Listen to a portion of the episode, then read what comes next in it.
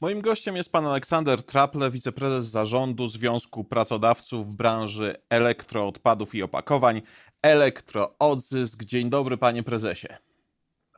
Dzień dobry państwu, dzień dobry panu. Panie prezesie, będziemy rozmawiać o czymś, o czym się głośno mówi od dłuższego czasu, natomiast y, no, nie może to zafunkcjonować w Polsce, czyli system kaucyjny obiegu opakowań, może tak to określę, no czyli w największym skrócie mówiąc, system, który zapewniałby za różne rodzaje y, opakowań wprowadzenie y, kaucji, y, którą klient by odzyskiwał w momencie, kiedy ta, ten przedmiot, ta, to opakowanie zostanie zwrócone na przykład do sklepu.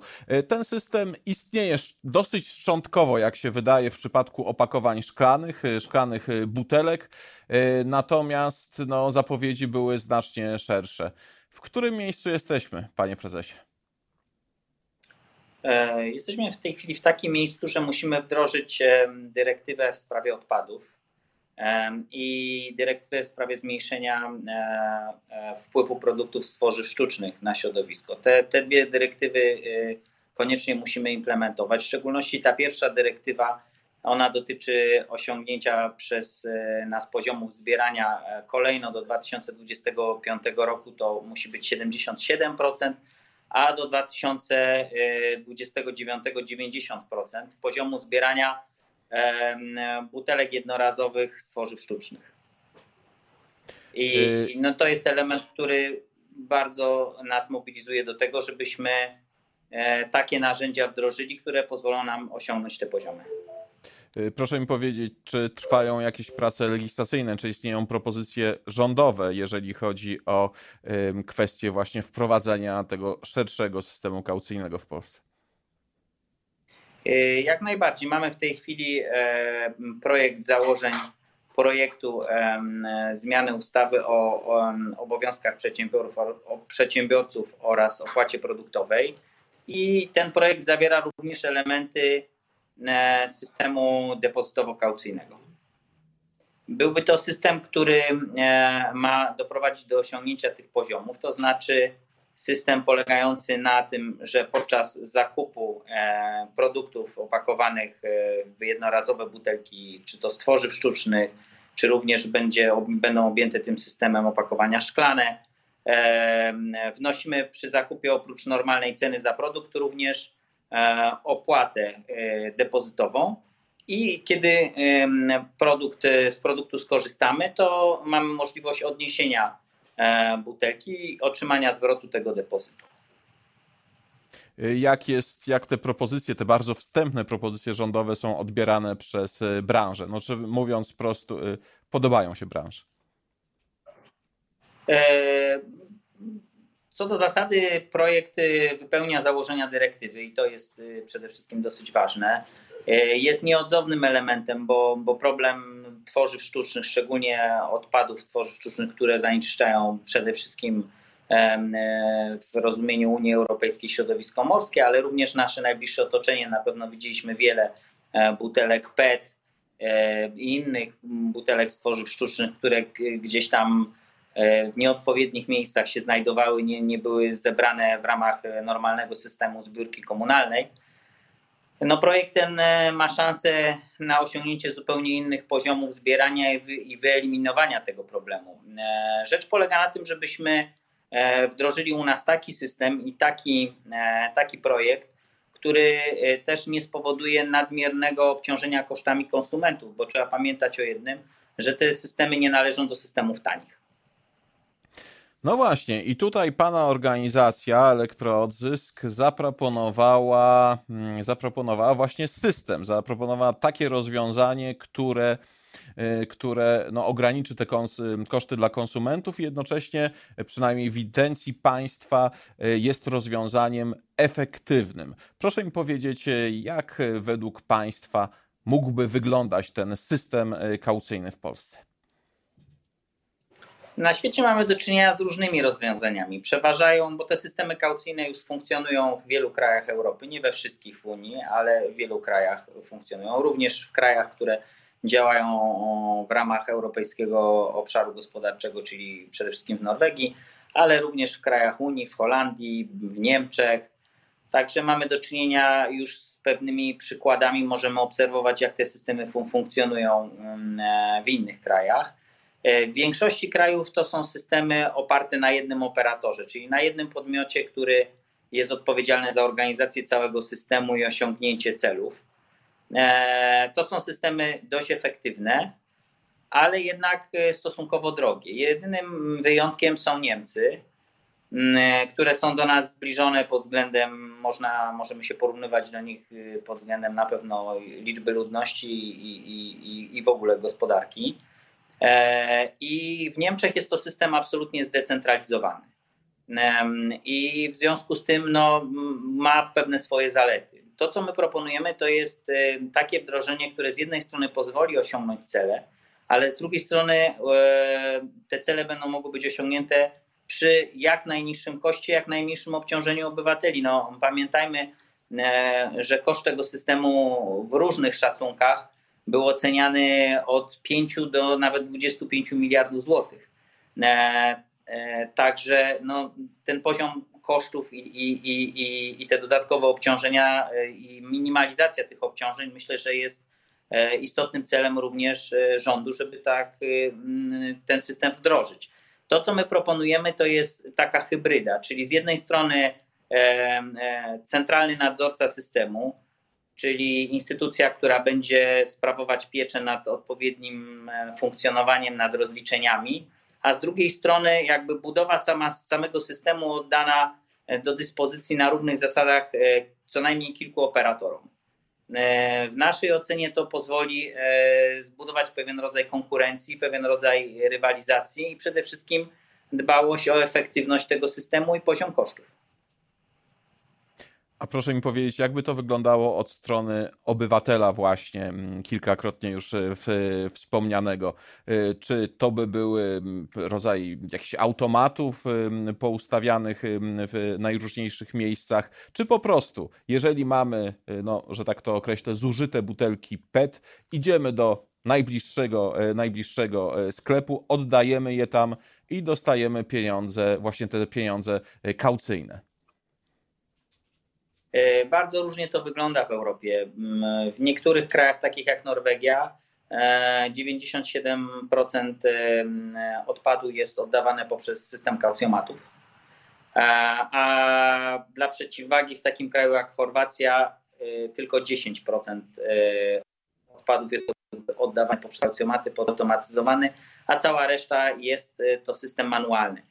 E, uważamy, że tutaj powinno to być oddane do dyspozycji operatorom i każdy z operatorów powinien e, organizować ten system maksymalnie efektywnie i optymalnie kosztowo.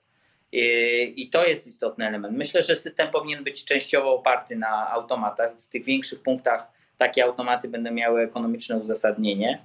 E, natomiast warto byłoby podłączyć do niego też wiele drobnych punktów. To byłaby też szansa dla E, takich e, mniejszych podmiotów gospodarczych, częściowego e, również finansowania swojej działalności, bo jako operatorzy systemu, nawet ci najmniejsi, po pierwsze byliby atrakcyjni dla konsumentów, bo również przyjmowaliby odpad i zwracali kaucję czy depozyt, a po drugie no, otrzymaliby opłatę operacyjną. Niemniej jednak takie rozwiązanie jest możliwe tylko wówczas, kiedy zastosujemy dosyć nowoczesny system indywidualnego kodu opakowania. Takie możliwości technologiczne już są.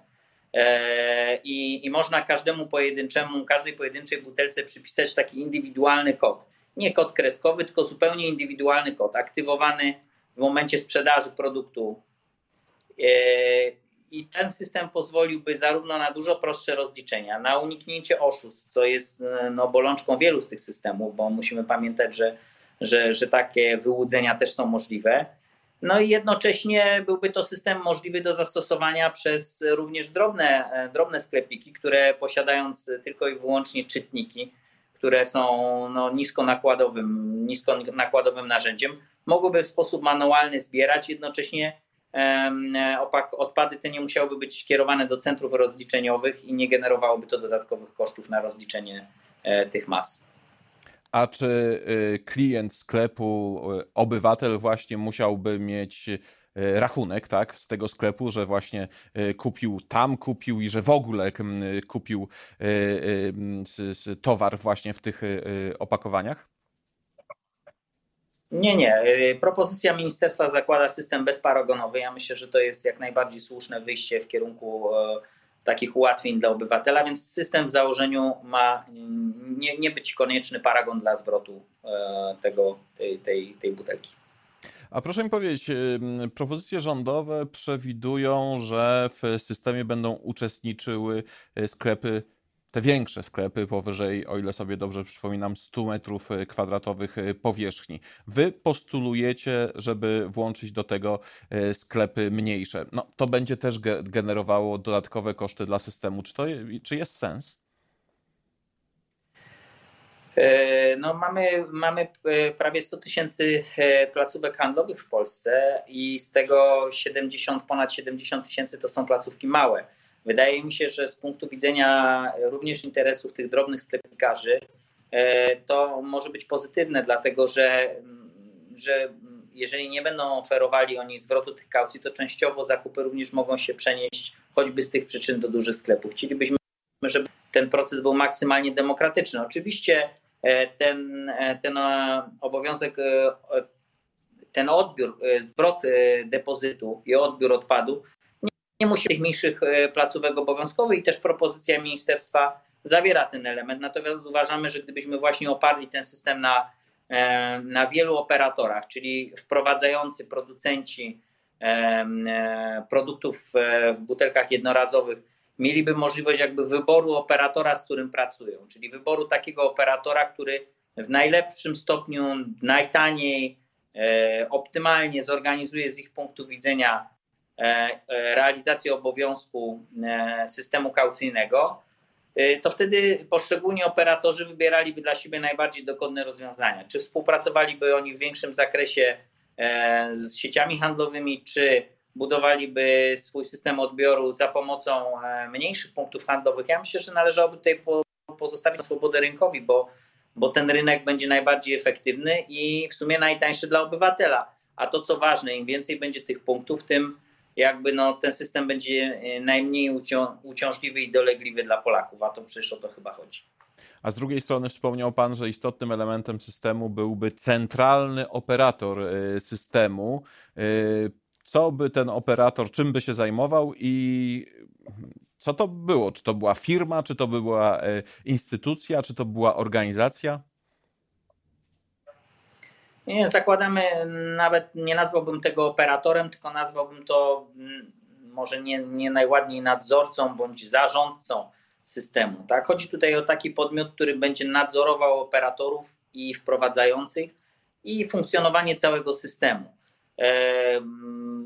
Przede wszystkim zakładamy, że poszczególni operatorzy działający konkurencyjnie, oferujący swoje usługi e, producentom wprowadzającym opakowanie jednorazowe, E, będą mieli wydzielone właśnie u tego centralnego e, zarządcy konta kaucji e, w taki sposób, żeby ten wpływający depozyt, ta wpływająca kaucja no jakby była od razu na takim wydzielonym koncie, żeby nie zachodziło tutaj żadne ryzyko jakby defraudacji i, i, i przepadku tej kaucji.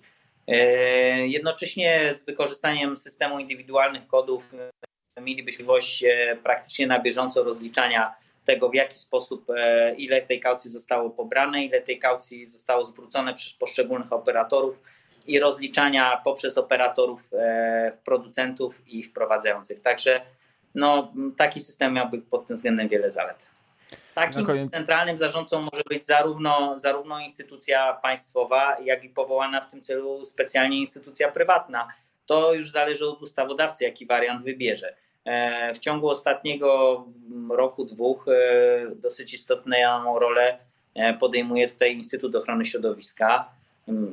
Podejrzewam, że byłby, byłby to naturalny kierunek dla, dla ustawodawcy, ale jeżeli tych obowiązków po stronie Instytutu jest zbyt wiele, można również powołać podmiot, który byłby jakby takim zrzeszeniem non-profit tych konkurencyjnych operatorów systemu i oni pokryliby koszty i zorganizowaliby ten tego centralnego zarządcę.